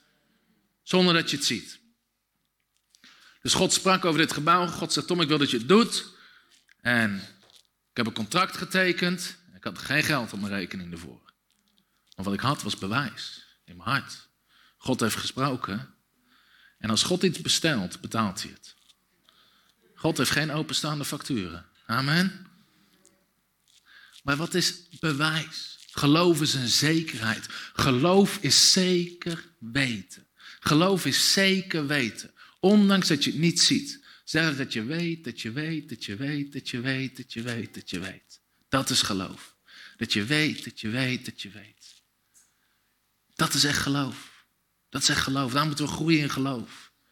Sommigen zeggen, ja, dan gebeuren er niet altijd zoveel wonderen in de genezingsdienst. Vaak omdat we het niet zeker weten. Ze zeggen, we gaan bidden voor de zieken. We zeggen niet, we gaan de zieken genezen. Jezus zegt nergens, bid voor de zieken. Hij zegt, genees de zieken. Hé? Dat is even je denken vernieuwen. Ja, we gaan bidden voor de zieken en kijken wat er gebeurt. Het is geen geloof. Het is geen geloof. Jezus wist het zeker. Jezus wist het zeker. Op komt iemand bij Jezus Heer, mijn dochtertje ligt ziek thuis.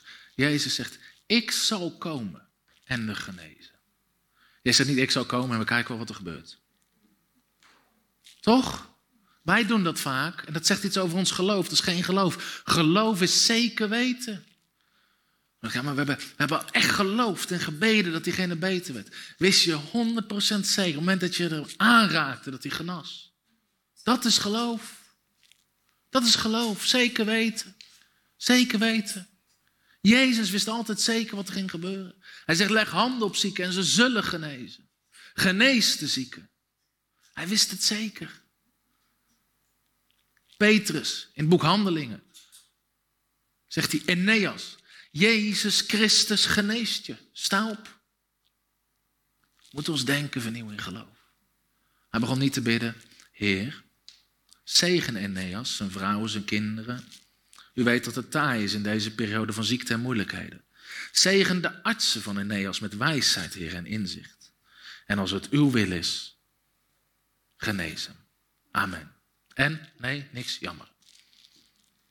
Van echt geloven, broeder, we echt gebeden. Niks gebeurt. Er staat een ander level van geloof. Jezus Christus geneest je. Jezus Christus geneest je. Een zekerheid. We mogen groeien in ons geloof, dat het een zekerheid wordt. Dat het een zekerheid wordt. Geloof in je hart is een zekerheid. Elke keer wist Jezus het zeker. Elke keer wist hij het zeker. Heb je wel eens gesproken met mensen die in geloof stonden? Die zijn niet van een stuk te brengen, toch? Want ze weten het. Ze weten het. Daarom is echt geloof zo belangrijk. Daarom is echt geloof zo Zeg, ja, weet je, die had, die had echt geloof. Maar en, ik wil ook, ik wil ook niet, niet mensen daarin in, die zin in veroordelen, maar we mogen erin groeien. We mogen reëel worden. Ik hoor eens iemand zeggen, ja, maar die had, echt geloof en die is toch overleden. En dan denk je, joh, dan vraag je het verhaal, die had zes maanden daarvoor al een afscheidsfeest gegeven. Is dat geloof? Wat verwacht je dat er gebeurt? Als je verwacht dat je geneest, ga je dan een afscheidsfeest geven? Nee. Dan vier je je verjaardag, zeg tot volgend jaar. Dat is geloof. En ik wil mensen triggeren hierin. Wat is echt geloof? Wat is echt geloof? Echt geloof is een zekerheid. Is een zekerheid. Noach twijfelde niet of dat ging regenen. David twijfelde niet toen hij op Goliath afliep. Je, David rende er niet met zijn slinger. Ik hoop dat dit goed gaat. Hij wist het zeker. Hij zei van tevoren al, vandaag nog hak ik je hoofd af en voer ik je vlees aan de vogels. Ventje van 17, hè? Ventje van 17. God wil iedereen gebruiken met groot geloof. Jong, oud, maakt niet uit. Amen. Weet je, en de rest zei, joh, helemaal koekoek. Weet je, sommige, als je in geloof staat, sommigen zeggen, helemaal koekoek. Helemaal, daar gaat hij. Nou, was leuk om gekend te hebben. Dat was onze Dave. Je, als mensen in geloof staan, dat zijn niet altijd de fijnste mensen om mee om te gaan. Ze zijn niet van een stuk te brengen en de rest denkt, die zijn helemaal koekoek. Veentje van 17, heb je er eens over nagedacht? Dan zo'n reus, vandaag nog, hak ik je hoofd eraf. Frisse jongen hoor, hij liep er daarna mee naar Jeruzalem toe, met het hoofd zo. Man van God, hè? Liefde, broeder. niet voor reuzen in je beloofde land, amen. Elke reus valt voor je neus, in Jezus' naam, amen. Ben je klaar om je reuzen te verslaan? Als jij je reuzen gaat verslaan, geef God een applaus. Kom op, zeg. Ik versla mijn reuzen. Ik versla mijn reuzen. Man, dat is de geest van geloof. Dat is de gave van geloof. De Bijbel zegt de geest van geloof. Het was schat dat op je kwam. De geest van geloof. Alles is in één keer mogelijk. Man, denk eens nou over David. Vandaag nog. Weet je wat hij daarna zegt? Hij zegt naar de hele leger. En jullie ook. Jullie ook. Later schreef hij in psalmen. Met mijn God. Spring over een muur. Ga door legerbenden zijn. Hij deed het letterlijk door die geest van geloof. Hij zegt, jouw hoofd hak ik af. Of jullie ook allemaal. Tienduizenden soldaten, ventje van 17. Maar geloof. En hij deed het. Hij deed het. Hij wist zeker wat er ging gebeuren.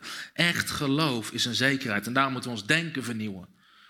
Ja, broer, je kan nooit zeker weten wat God wil doen. Echt wel. Zijn wil staat in zijn woord. Ja, maar zijn wegen zijn niet onze wegen. Dat zegt de Bijbel over de goddelozen. Ga de tekst maar eens lezen. God zegt van de goddelozen, dat zijn wegen zijn niet mijn wegen. Bekeer je, zegt God dan, opdat jouw wegen mijn wegen worden en jouw gedachten mijn gedachten. De eerste vond ik als een christen tegen zegt, ja, Gods wegen zijn niet jouw wegen. Zeg, hou je mond maar.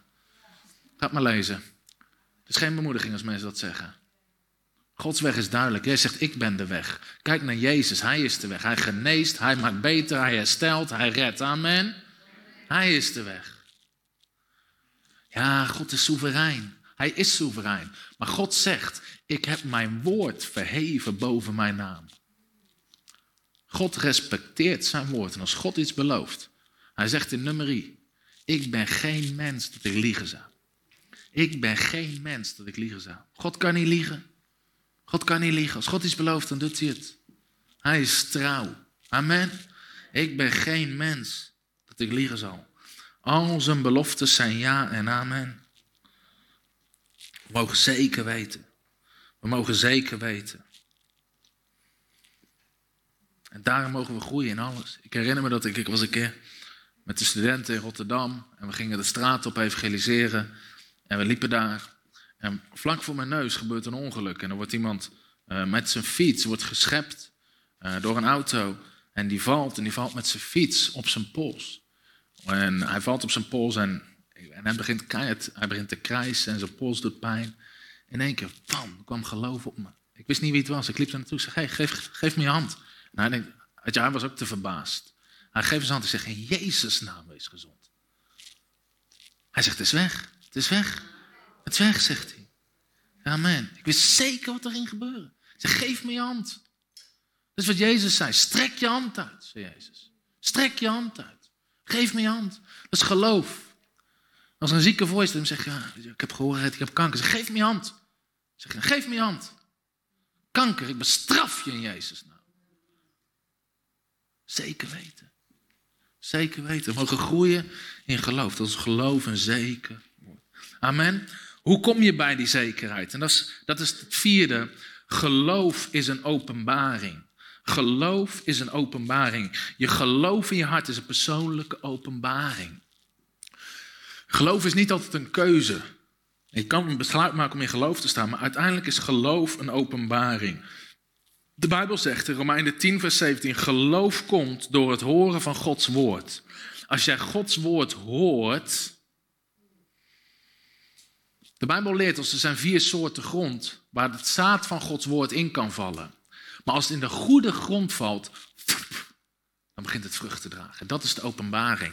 Want het woord van God kan je horen en het kan in die andere grondsoorten komen wat geen vrucht draagt. Maar als het valt in goede grond, dan is daar die openbaring, is daar geloof. En heel vaak dan zeggen mensen, ja, weet je, die en die, en dit en dit is gebeurd. En, en ja, we zijn toen in geloof gaan staan, maar er is niks veranderd. Dan zeg ik, hoe ben je in geloof gaan staan? Ze zeggen, ja, gewoon. We zeiden gewoon tegen elkaar, we gaan in geloof staan. En heel vaak doen we dat alsof het een keuze is, maar niet een openbaring. Dit zegt niet omdat God zegt, ze zal leven en niet sterven. Weet je, dan is het een openbaring. Dus we hebben heel vaak een openbaring nodig. Toen ik, ik was mijn geloof aan het bouwen om als eerste persoon om kort fulltime aan te nemen. En ik wist ergens, ik zat te struggelen met mijn geloof. Want dat betekende dat we een paar duizend euro in de maand keer extra nodig hebben. En we hadden het heel hard nodig om iemand extra te hebben, we hadden het geld niet. En ik was aan bidden en vasten. En op een gegeven moment was ik aan bidden hierover. En God sprak. Super duidelijk. Jezaja 51, vers 2. En ik pakte mijn Bijbel en ik las wat er staat. En er stond, en stond kijk naar je vader Abraham. Ik, toen ik hem riep, was hij alleen. Maar ik zal hem zegenen en talrijk maken. En in één keer, bam, was het een openbaring. Het was niet zomaar een tekst meer uit Jezaja. Het was een openbaring waar God zegt, toen ik je riep, begon je alleen. Maar ik zal je zegenen en talrijk maken. En vanaf dat moment was er geloof in mijn hart. Het was niet meer twijfelen. We hebben kort aangenomen. We hebben geen dag de moeite gehad om salaris te betalen. Maar het was eerst een geloof. Het was eerst openbaring. En heel vaak hebben we openbaring nodig. Daarom zegt Spreuken, hou het woord van God voor je ogen. De Bijbel zegt in Jozua 1 vers 8, mediteer erop dag en nacht. We moeten mediteren, zodat het een openbaring wordt. Amen. Dus maak niet te snel een keuze. Ik weet dat ik was een keer, ik had een keer een hele ernstige blessure opgelopen. En ik had heel veel moeite met ademen en allerlei dingen. En het werd alleen maar erger door de tijd heen. En ik had heel vaak ervoor gebeden. Ik had het bestraft. Het ging niet weg. Weet je wel, door zijn streamen ben ik genezen en er gebeurde niks. Op een liep ik er drie weken mee. En ik moest op de fiets naar het bushokje om naar school te komen. En ik had een preek aan staan van een geloofsprediker. En hij sprak uit de tekst van 2 Korinthe 2, waar staat dat God ons altijd doet triomferen. God doet ons altijd overwinnen. En ik knokte hier nou drie weken mee. Maar dan ga je denken, je, misschien lukt het deze keer wel niet. Misschien win ik deze keer wel niet. En die prediker die spreekt over het feit dat God doet ons altijd triomferen. En hij leest die tekst voor, God doet ons altijd overwinnen. En hij leest hem geen één keer. Hij leest die tekst gewoon twintig keer achter elkaar in zijn preek. Dat klinkt als een saaie preek, hè? En ik raak ook geïrriteerd terwijl ik dat zit te luisteren. Denk, joh, kom nou op man. Hup, volgende punt, weet je wel, die tekst hebben we gehoord. Maar hij zei, hij zei, nee, ik ga hem nog een keer lezen. God doet ons altijd. En in één keer begin ik na te denken over die tekst. En ik, ik zit op mijn fiets, letterlijk op mijn fiets. Ik zeg, altijd? Altijd? God doet ons altijd triomferen. Altijd, altijd. En ik word, ik zeg, altijd, altijd. En bam, met dat ik hem heb, breekt de ziekte van me af. Op dat moment. Op dat moment. Het was een openbaring geworden. Het was een openbaring geworden. Het was geen Bijbeltekst meer, het was een openbaring. Wat God zegt, zorgt voor geloof, maar we moeten het ons openbaring maken. We moeten het onze openbaring maken. We moeten het een openbaring maken. Daarom moet je mediteren. De tekst opnieuw lezen, opnieuw lezen. En in één keer, het woord is een zaad en begint te groeien en bam, dan is het daar. Weet je, als je geloof hebt, dan weet je het. Als je geloof hebt, dan weet je het. Dus geloof moet een openbaring worden. Moet een openbaring worden, genees de zieken. Het moet een openbaring worden. Ik hoorde van David Oyedepo, een voorganger in Afrika. Heeft de grootste kerk wereldwijd. 18 miljoen mensen in zijn kerk. Hij was straatarm tot zijn 18e levensjaar. Maar hij las een boek van een Amerikaanse prediker over voorspoed. En op een gegeven moment las hij 3 Johannes 1 vers 2. Geliefde, ik bid dat u in alles voorspoedig wordt. En hij zit dat te lezen. En één keer beseft hij, God wil niet dat ik arm ben. God wil niet dat ik straatarm ben. En hij krijgt die openbaring, geliefde, ik bid dat u voorspoedig wordt. En hij roept zijn vrouw, hij zegt, schat, we kunnen geen dag van ons leven meer arm zijn. Het kan niet meer, zegt hij. Het kan niet meer. En in zijn boek schrijft hij, I shall never be poor again. I shall never be poor again. Het was zijn openbaring. Vandaag de dag, ze bouwen kerken alsof ze bomen planten. Achter elkaar, ze betalen alles cash. Afrikaanse kerel bouwt kerken van tientallen miljoenen in Amerika. Hij betaalt het als Afrikaan. Nigeria, armste land ter wereld. Armste land. Hij betaalt het achter elkaar, hij betaalt het. Hij heeft een openbaring. Ik kan geen dag van mijn leven meer arm zijn. Weet je, je hebt een openbaring nodig. Je bent een koningkind. Is je openbaring? Je kan niet meer klein zijn. Je hoeft niet meer klein te zijn. Je hoeft niet onbelangrijk te zijn. Je bent een koningskind. Je bent een koningsdochter. We hebben openbaring nodig. We hebben openbaring nodig. Amen.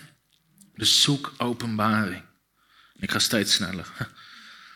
Maar toen ik in geloof stond, samen met Femke voor een huis en onze bruiloft, God had ons een datum gegeven om te trouwen.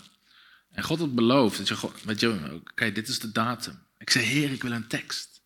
Ik wil een tekst hebben. Weet je, het woord is vaste grond onder onze voeten. Het woord. Geen profetie, het woord. En God sprak, Deuteronomium hoofdstuk 6, vers 11 en 12. En ik ging naar mijn Bijbel. En God zegt daar, ik zal je brengen in het land waar je zal wonen in huizen die je zelf niet betaald en gebouwd hebt. Ik dacht, halleluja. Dat is mijn openbaring.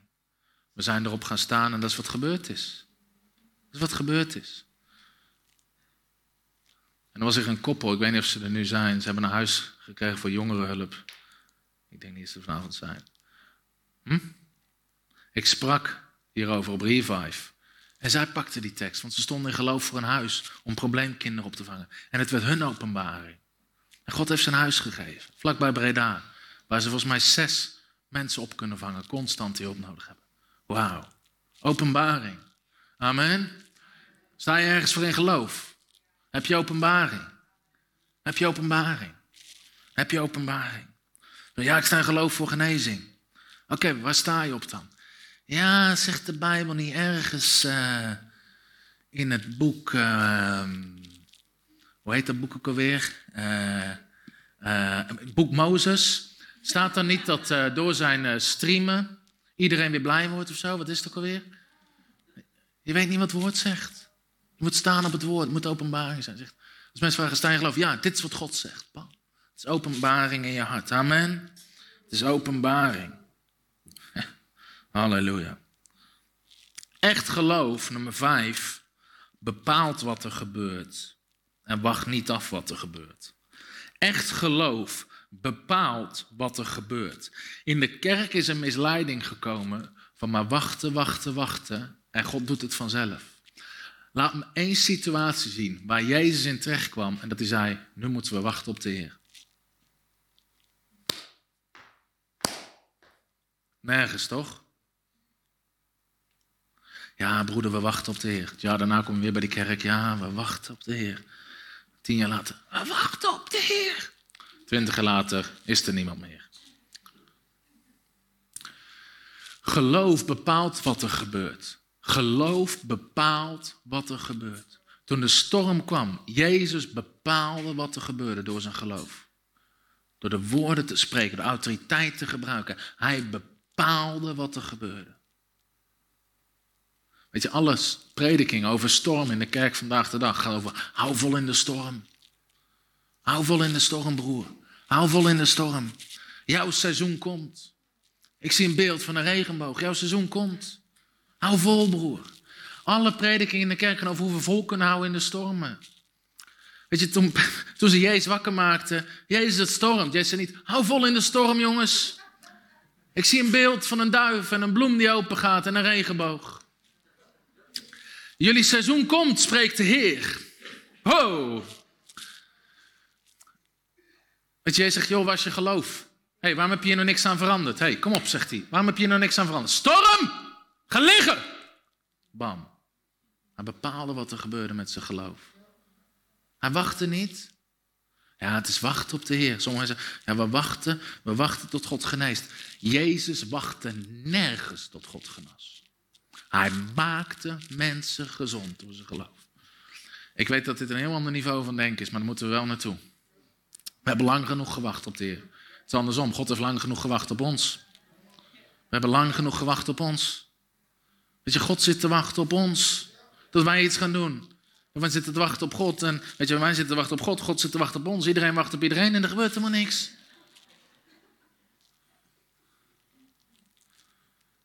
Sommige zitten, ik sprak hier iemand zei, ik heb, ik, heb al, ik heb tien profetieën gehad dat ik de bedieningen moest. Die zegt, wat doe je dan? Ja, ik wacht. Hij heeft al tien keer gesproken. Moet er een engelenkoor met een spandoek met jouw naam naar beneden komen?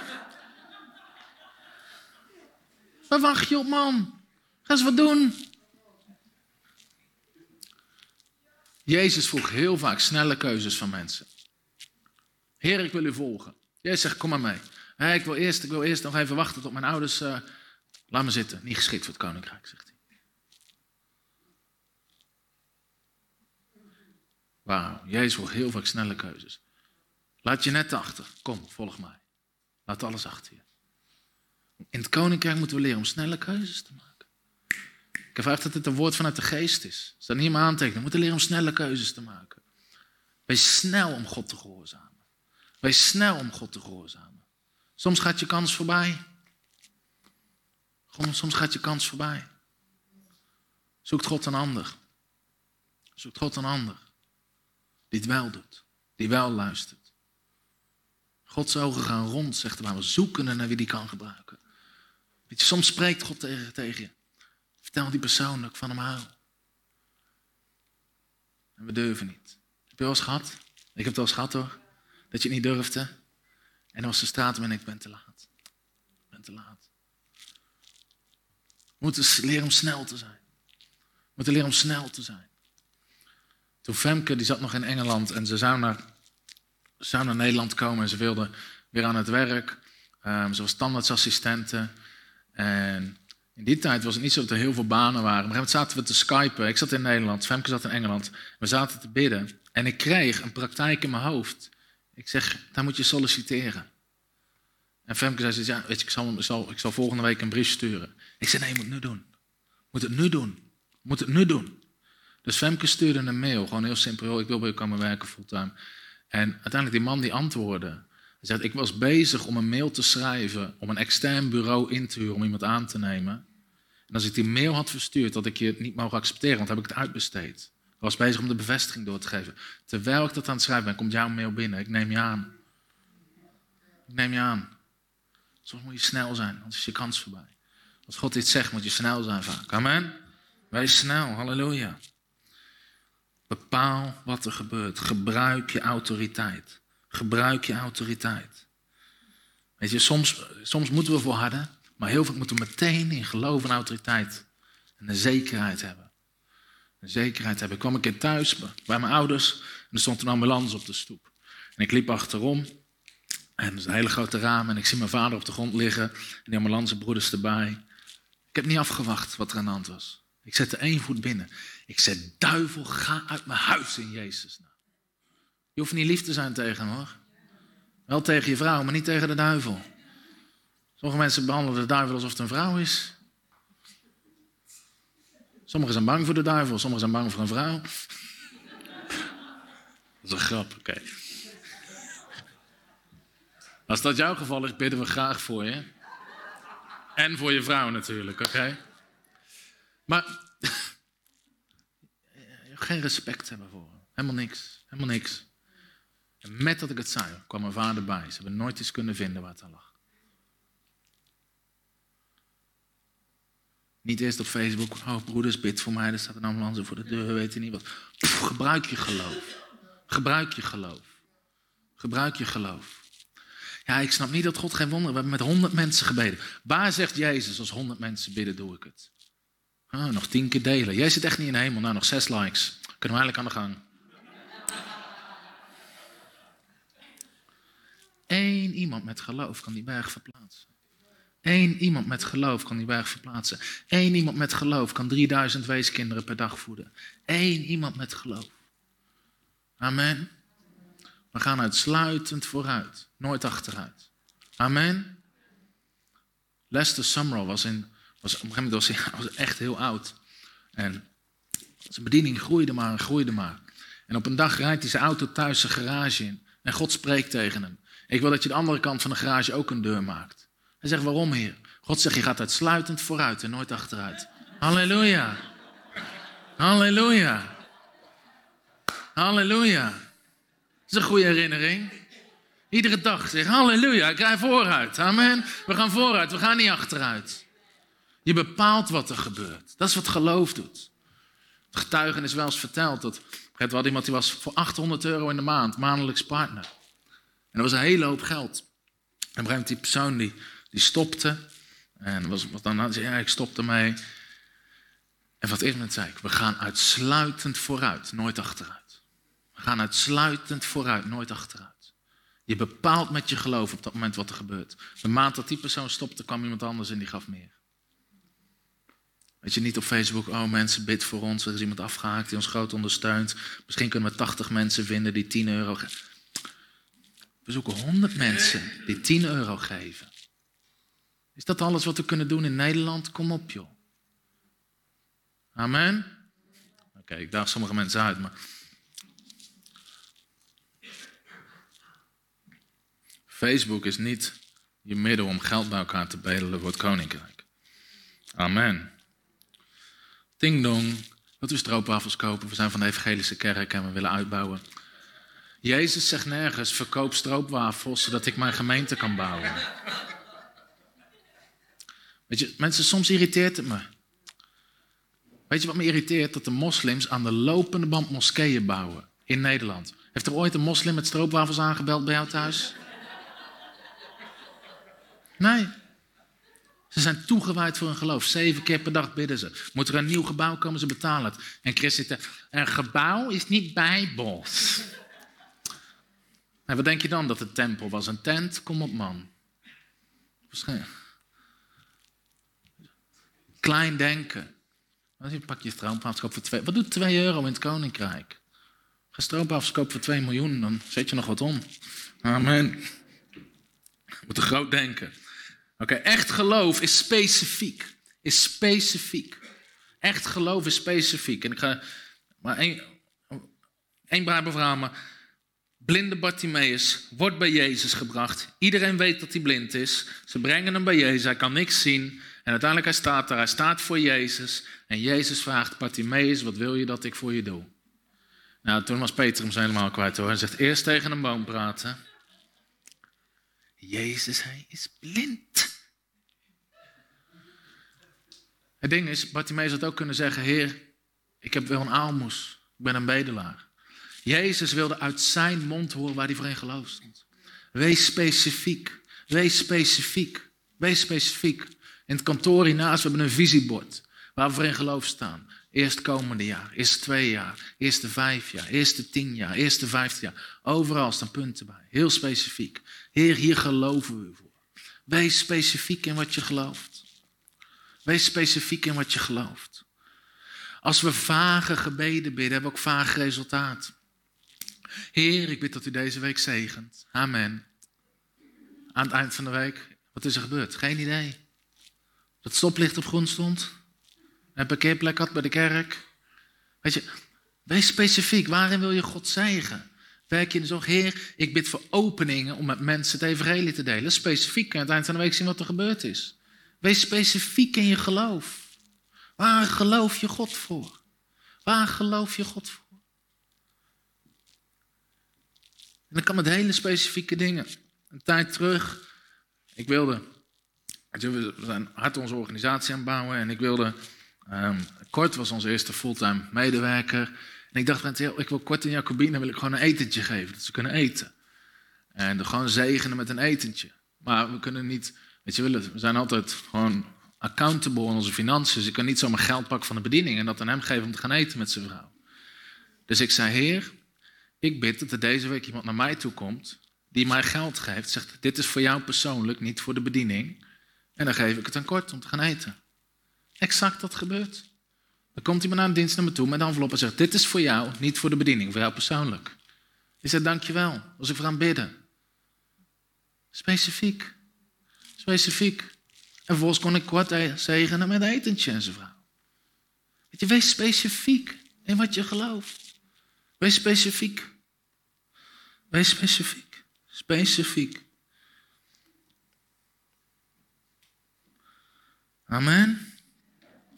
Echt geloof, is nummer zeven, maakt geen compromissen met Gods woord. Echt geloof kent geen compromissen. Als iets niet gebeurt, betekent dat jij moet groeien, niet dat, je, niet dat Gods woord verandert.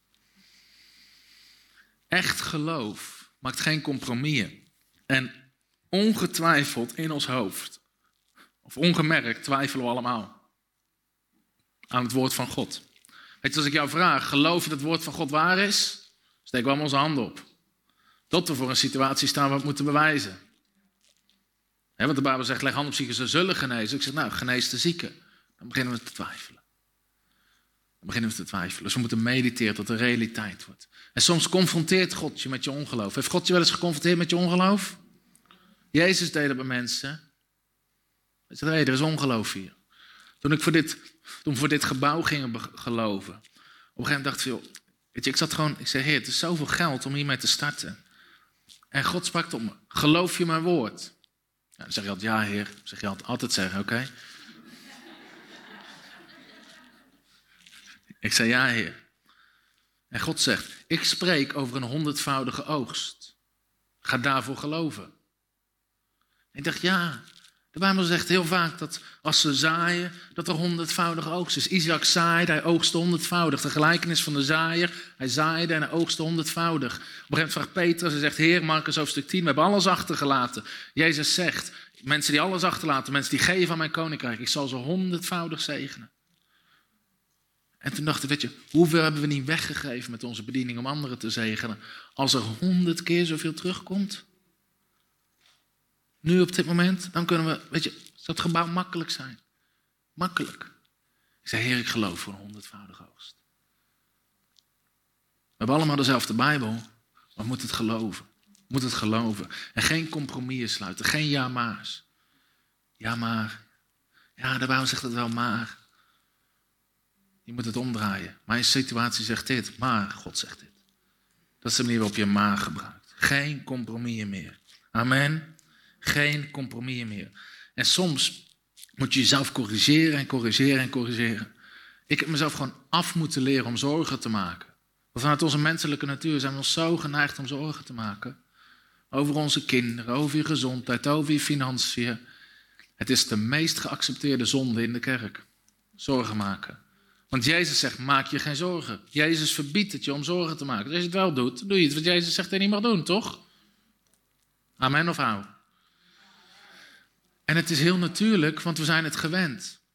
Alleen elke keer als ik merkte, met, heel vaak met financiën voor de bediening, dat ik me zorgen begon te maken, zeg nee, ik doe het gewoon niet. Ik ben er al mee gestopt. Ik maak me geen zorgen meer. En dan ging ik naar Matthäus 6 en ging ik weer lezen. Jij zegt, maak je geen zorgen. Kijk naar de vogels, God zorgt voor ze. Zet mijn koninkrijk op de eerste plek, ik zorg voor al het andere. En ik heb die tekst wel honderdduizend keer moeten lezen. En mezelf iedere keer, als ik maar één seconde dacht, en wat nou als, stop, stop, stop, stop, stop ermee. Stop ermee. Moet je ook soms tegen mensen zeggen, joh, stop er maar gewoon mee. Ja, hoe zou het gaan? Stop er maar mee. Je bent je zorgen aan het maken. Nee, nee, dit is logisch nadenken. Het klinkt als een hele hoop ongeloof en twijfel anders. Zorgen maken is mediteren op een foute uitkomst. Amen. Zeg mensen, wat is je plan B? Als de bediening niet werkt. Ik heb geen plan B. Ik, er is alleen maar een plan A, dat is wat God zegt. We hebben geen plan B. Amen. Stop met plan B. Wat broer, wat is je plan B? Ik zeg plan B. Er is geen plan B. Oh. We doen niet aan plan B. Halleluja. Echt geloof, is nummer 8, zegt wat God zegt. Echt geloof zegt wat God zegt. De Bijbel roept ons heel vaak op tot beleidenis. En beleidenis betekent letterlijk hetzelfde zeggen als God zegt. Hetzelfde zeggen als. Hetzelfde zeggen als God zegt. Dus jij moet hetzelfde zeggen als God zegt over jouw situatie. Weet je, die man die naar Jezus toe kwam. En jij zegt, ik zal komen om te genezen. Hij zegt, nee heer, spreek slechts een woord. Spreek slechts het woord. Dat is wat wij moeten doen, spreek slechts het woord. En we moeten leren onze mond te houden met ongeloof. Heb je wel eens nagedacht over het verschil tussen Maria en Zacharias in Lucas? Luc, Zacharias, de hoge priester, krijgt een belofte. Je vrouw zal een kind baren. En hij zegt, Heer, hoe zal dat gebeuren? En God zegt, hij kon niet spreken tot de dag van zijn geboorte. Waarom? Hij moest geen ongeloof spreken over de situatie. Hij moest geen ongeloof spreken. En Maria zegt, Heer, het zal gebeuren overeenkomstig uw woord. En ze kon gewoon blijven spreken. Jezus zegt, als je geloof hebt in je hart en je spreekt met je mond. Geloven en spreken is een een-eigen tweeling, gaat altijd samen. Geloof zit in je hart en het komt uit je mond. Alles wat je morgen wil zien, zou je vandaag moeten zeggen. Alles wat je morgen wil zien, zou je vandaag moeten zeggen. Zo belangrijk wat we spreken met onze mond. Geloof, echt geloof spreekt. Echt geloof spreekt. Echt geloof spreekt. Als je wil horen wat mensen geloven, moet je luisteren naar wat ze zeggen. Soms zeggen ja, maar die persoon staat echt in geloof. Staat echt in geloof. En dan kom je er en dan, ja, de artsen hebben dit gezegd en over drie weken dit en dat gaat waarschijnlijk helemaal fout. En dan, dan zit ik voor de rest van mijn leven in een rolstoel. Ik zou het niet zeggen als ik jou was. Maar blijkbaar is dat wat je gelooft. De Bijbel zegt, uit de overvloed van het hart stroomt de mond. Als je wil weten wat mensen geloven, moet je gewoon luisteren naar wat ze zeggen. En je moet gewoon radicaal spreken wat God zegt. Radicaal. Tegen alles in. Zeggen wat God zegt. Zeggen wat God zegt. Ik weet niet of, is Matthew, is Marion hier met Matthew ergens? Of is, ah, hij, is, hij, hij aan het slapen. Toen uh, Femke zwanger was van Matthew. En op een gegeven moment, we gingen, je moet zo'n echo en dan kan je hem zien. Op een ze, oh, oh, dit is niet goed, zeiden ze, dit is niet goed. Kijk, dat zijn ze, dat zijn ze longen. En die moeten zwart zijn. En die zijn, die zijn helemaal wit. Dat is niet goed. En uh, dus wij naar het ziekenhuis. Ja, ik moet naar het ziekenhuis. En ik wist gewoon, het is wel goed. De Bijbel zegt, de vrucht van mijn schoot zal gezegend zijn. De vrucht van mijn schoot zal gezegend zijn. Wij naar het ziekenhuis. En ik, ja, het is, het eigenlijk niet goed. Het is eigenlijk niet goed. En in gesprek met die arts, hij zegt, joh, joh je, eigenlijk, je, abortus zou je kunnen overwegen. En mijn punt is dit. Ik heb niemand opgebeld. Om te zeggen wat de arts zegt. Weet je waarom niet? Was het niet waard om te herhalen? Het is niet waard om te herhalen. Het is niet waard om te herhalen, joh. Het is helemaal niet Gods plan. Ze hebben niet wat God zegt. Ik ga niet zeggen wat de duivel zegt. Zegt, mijn kinderen zijn gezegend. Hij is gezond. Hij is hartstikke gezond. Hij is sterk. Gezegend zal zijn mijn nageslacht. Machtig op aarde zal zijn mijn nageslacht. Dat is het woord van God. De Bijbel zegt, je bent, weet je, you shall not cast your young into the land. Je zal je kinderen niet hoeven te begraven. We hebben niemand opgebeld. Niet, oh, ze hebben dit gezegd. Dat was het niet waard om te begraven. En Femke als klein meisje heeft ze kanker gehad. Is boven natuurlijk genezen. En op een gegeven moment, een van die artsen, vlak voor de bevalling, wilde thuis bevallen. Komt erachter dat Femke vroeger kanker heeft gehad. Hij zei, joh, je mag niet thuis, je mag niet thuis bevallen. Want met jouw verleden en wat er toen gebeurd is. Maar zegt hij, joh, als jij thuis gaat bevallen, hele grote gewoon kans dat je overlijdt. Je zal het niet overleven. We hebben niemand gebeld hoor. Heeft niet op Facebook gestaan voor gebed. Was het niet waard om te herhalen?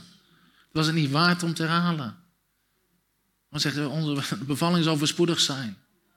Nou, dat was hij, precies binnen werktijden. Het is morgens om zeven uur begonnen, om vier uur was hij er. Amen. Voor, was op zaterdag. Volgende ochtend om zeven zat ik in de auto met Arjan om te prediken in Den Helder. Zo voorspoedig dat Femke zei, joh, ga maar, het gaat helemaal goed hier. Het was, het was tien uur later, was ik alweer aan het prediken. We hebben het niet eens herhaald. Niet eens herhaald. Je moet niet zeggen wat de duivel zegt. Je moet niet zeggen wat de duivel zegt. Ik zal mijn vrouw niet begraven. Ik zal mijn kinderen niet begraven. Amen. Het is het niet waard. Zeg wat God zegt. Zeg wat God zegt. Zeg wat God zegt. We zeggen het gewoon. Dat is gewoon wat we spreken. We zullen nooit tekort hebben als bediening. We zullen de beste mensen in dienst hebben. We zullen de beste gebouwen hebben. Ze zeggen, hoe kom jij zo'n mooi gebouw? Dat is wat we spreken. We zullen de beste gebouwen hebben. Ik zie Lambert heel blij. Yes, ik hoor bij de beste. dat is wat je moet spreken. Zoveel bedieningen en kerken zeggen: Ja, nee, in Nederland kan je geen mensen in dienst hebben. Je zal hebben wat je zegt, zegt Jezus. Jij zal hebben wat je zegt. Marcus 11, vers 23 hebben we gelezen. Je zal hebben wat je zegt. Ja, wij kunnen als kerk geen gebouw betalen. Je zal hebben wat je zegt. Je zal hebben wat je zegt. Zo van zeggen, ja, maar in Nederland, weet je, mensen zijn gierig. Ik zeg, blijf dat vooral zeggen. Ik zeg, bij ons niet, mensen zijn hartstikke vrijgevig bij ons. Echt waar? Zegt, ja, Mensen zijn vrijgevig. En ik geloof dat oprecht. Wat koninkrijk willen bouwen. Amen. Waarom zou je gierig zijn als christen? Je kan overal je geld aan uitgeven. De Chinees, de sportschool. Maar het wordt in één keer een, in één keer een heilig iets als we het aan het koninkrijk kunnen geven. Dan zijn we toch niet gierig? Maar heel veel dingen, ja nee, mensen geven slecht. Ik, we hebben zo vaak gehad, vraag maar aan Kort of Niels die met me meereizen. Dan vragen voorgangers, ja wat voor vergoeding wil je hebben? Ik zeg, ik hoef geen vergoeding. We halen gewoon een collecte op, we halen een offer op het eind van de dienst. 80% van de keren mailen die voorgangers, dat moet je niet doen. Mensen geven niet bij ons. Mensen zijn gierig. Je gaat met niks naar huis. Echt waar. Dat is wat ze zeggen. Toch kort? Heel vaak krijgt hij die mail terug. Ik zeg, maakt niet uit. En dan zeg ik, bij ons niet. We hebben een aantal keer gehad dat een voorganger, Brent had de collector geteld, zo aan kon lopen. Zoveel is er nog nooit gegeven. Ik zei, nee, jullie niet, aan mij wel, amen. En mensen zijn niet gierig, ze zijn vrijgevig voor het koninkrijk. Maar als je dat blijft zeggen, dan krijg je dat. Ja, we kunnen nooit een gebouw betalen. Je zal er nooit in hebben. Je zal het niet aanraken, je zal het niet proeven. Maar als je zegt, hé, wij zullen de beste gebouwen, de beste mensen hebben. Mensen zijn vrijgevig, gaan het koninkrijk van God bouwen.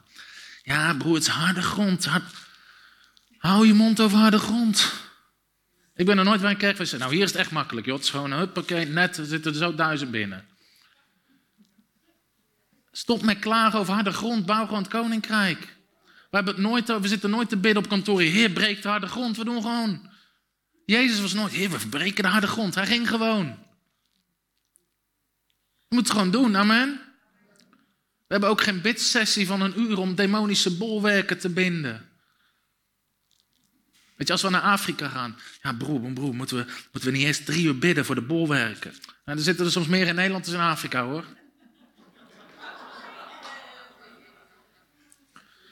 Maar het punt is, als Paulus naar Efeze gaat, de meest demonische stad van die tijd, weet je, ze gingen niet, ze gingen niet profetisch vlaggen en bolwerken bestraffen en dansen voor de Heer en avondmaal en zo.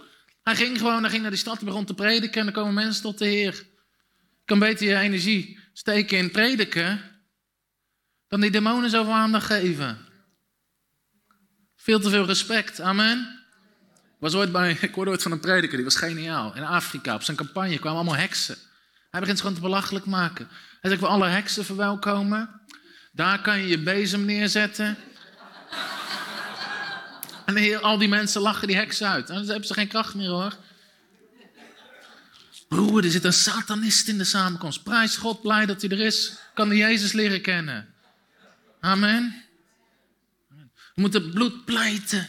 En je moet ook gewoon gaan zitten en dat even redelijk luisteren. Doe rustig. Amen. God heeft geen vijanden, hè? God heeft geen vijanden. Niemand, niemand kan op tegen God. Amen. Hij heeft al gewonnen voordat er iets is begonnen. Halleluja. Dus we moeten zeggen wat God zegt. Sommige mensen zeggen, maar ik moet toch zelf weten wat ik zeg? Ik moet toch zelf weten wat ik zeg? Ik zeg altijd, joh, je kan zeggen wat je wil, maar je zal hebben wat je zegt. Je kan zeggen wat je wil, maar je zal hebben wat je zegt. Amen. En dan volgende twee ga ik heel snel doen. Echt geloof doet wat God zegt. Echt geloof doet wat God zegt. Echt geloof doet wat God zegt. Je zet je geloof vrij door te spreken en te handelen. Amen. Ik las dit bij een genezingsevangelist. En dit, dit raakte me heel erg. Hij beschreef over een bediening van een vrouwelijke evangelist. En hij zei, begin van de Pinksterbeweging was er een vrouwelijke evangelist. En op een gegeven moment zitten vier mensen vooraan in een rolstoel. En ze loopt naar die vier toe. En bij, alle, bij ze allemaal zegt ze, sta op en wandel. En ze staan op. Sta op en wandel. Zeg, sta op en wandel. Nummer één ging staan. Nummer twee ging staan. Nummer drie ging staan. Ze gaan ze allemaal. En tegen de vierde zegt ze, sta op en wandel. Maar die vierde zegt, dat kan ik niet. En zij zegt, zij kon het ook niet, maar ze deden het wel. Maar die zegt, ik kan het niet. Die vierde heeft nooit gewandeld. Die vierde heeft nooit gewandeld. We moeten doen wat God zegt. We moeten doen wat God zegt. Geloof is niet gezitten wat je voelt. We wandelen niet door aanschouwen, we wandelen door geloof. Amen. Inspireert het je? Amen. Mag ik nog vijf minuten? Ken je het verhaal van Kenneth Hagen? Hoe hij op bed ligt. Hij is 15 of 16 jaar. En hij ligt heel zijn leven lang ligt hij op bed. En, of tenminste heel zijn leven. Hij was op een gegeven moment verlamd geraakt en had twee ziektes. En dan was vanaf, vanaf zijn middel toe was hij verlamd. En hij had een andere ziekte. En op een gegeven moment, zijn, zijn, zijn moeder of zijn oma geeft hem een Bijbel. En hij leest Marcus 11, vers 23, 24. Alles wat je gelooft en je spreekt, zal je hebben. En op een gegeven moment, hij zegt, ja, je Heer, ik bid voor mijn genezing, ik bid voor mijn genezing. Een paar weken lang gebeurt niks. op een gegeven moment zegt de Heer, maar u zegt toch dat ik het zou hebben? En God zegt, je hebt geen geloof. Je gelooft niet. En op een gegeven moment, hij zegt, ja, maar Heer, wat is geloof? En op een gegeven moment krijgt hij openbaring. Geloof spreekt wat God zegt en geloof doet wat God zegt. Dus hij ligt in bed. En op een gegeven moment beseft hij, dit is wel relaxed spreken trouwens. Op een gegeven moment zegt hij, hij zegt, Heer, dank u wel dat ik genezen ben. Ik ben genezen. Ik ben gezond. Dank u dat ik genezen ben. Helemaal verlamd vanaf hier, doodziek. De arts had hem een paar weken gegeven. Dank u wel dat ik genezen ben. En God spreekt tot hem. Als je genezen bent, wat doe je dan in bed? En hij beseft, ik moet doen wat God zegt. Dus hij gaat rechtop zitten. En hij beschrijft in zijn boek dat zijn benen doen niks. Want hij is verlamd. Dus hij pakt zijn been En hij zegt, het was gewoon dood, lag gewoon dood op de grond. Hij voelde niks. Dus, en hij zegt, ja, Gods woord zegt dat ik genezen ben. En hij begon weer, dank u Heer dat ik genezen ben. Dank u Heer dat ik genezen ben. En hij, op dat moment, hij negeert alles wat zijn lichaam zegt. Dat hij ineens zijn voeten voelt, dat hij helemaal niks voelt. hij zegt, dank u Heer dat ik genezen ben. Dank u. En met dat hij het zegt, op een gegeven moment heeft hij op en hij zegt, ja, ik ben genezen, ik ben genezen. En hij voelt de kracht van God en hij geneest op dat moment. Hij is compleet gezond van het een op het andere moment. Omdat God hem corrigeerde. God zei, joh, wat doe je in bed als je genezen bent? Maar het verhaal is zo indrukwekkend, want hij negeert alle omstandigheden. De Bijbel zegt in 2 Korinthe 5, vers 7, we wandelen door geloof, niet door aanschouwen. Niet door wat we zien, niet door wat we voelen. En hij kreeg een openbaring. En sinds die tijd heeft hij mensen overal onderwezen over geloof. Maar hij deed wat God zegt. Amen. Hij deed wat God zegt.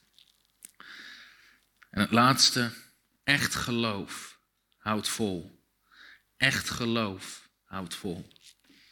Hebreeën 6, vers 12 zegt: Door geloof en geduld beërven we de belofte van God. Door geloof en geduld. Sommige dingen gebeuren in één keer. Jezus deed heel vaak wonderen meteen. Meteen. Maar als het niet meteen gebeurt, dan blijf je staan in geloof. Dan blijf je staan in geloof. En Efeze 6 zegt, na alles gedaan te hebben. Ik heb alles gedaan wat ik weet. Zegt Efeze 6, na alles gedaan te hebben, houd dan stand. Houd dan stand. Want God is een waarmaker van zijn woord. Amen.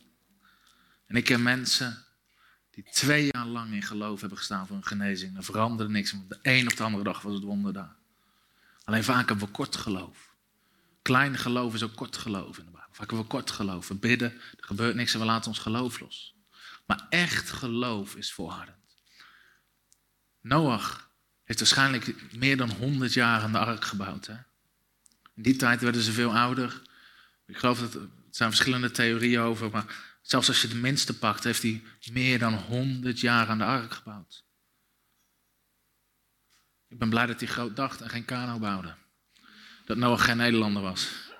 Nee, we doen het klein, we kunnen ook een kano doen. Hij bleef staan, hij bleef gaan. David kreeg de belofte, hij zal koning zijn over Israël. Dertien jaar later was hij pas. Hij bleef staan, Jozef ook. God is een waarmaker van zijn woord. Als we volharden. Ik heb ons na zitten denken, toen we dit gebouw kregen. En, je, in Nederland, nee, dat kan niet. Een gegeven moment zei jullie zijn een kerk. Ze nee, we zijn geen kerk. Oh, goed, want een kerk kan daar niet zitten. Ze nee, we doen video's en zo. Oh, dan mag daar ook niet zitten. Blijkbaar mag niks hier zitten. Maar uh, ik dacht, joh, het is maar goed dat God Noach niet riep in Nederland, hè? Op dat industrieterrein. Meneer, wat bent u aan het doen? Ik bouw een boot. Oh, dat mag je niet. Nee, nee, nee, mag niet industrieterrein. Oh, oh. En uh, nee, hier bouwen we alleen vliegtuigen. Kijk, regel 8a, 4, 6. Oh ja. Meneer, u mag geen zebra's hebben op hier. Heeft u een vergunning voor zebra's? En heeft u een vergunning voor giraffen? En heeft u een uitzondering voor... Ik ben blij dat Noach niet in Nederland heeft gebouwd. Amen. Dan was hij 120 jaar bezig om de ark te bouwen en 500 jaar om de vergunningen te regelen.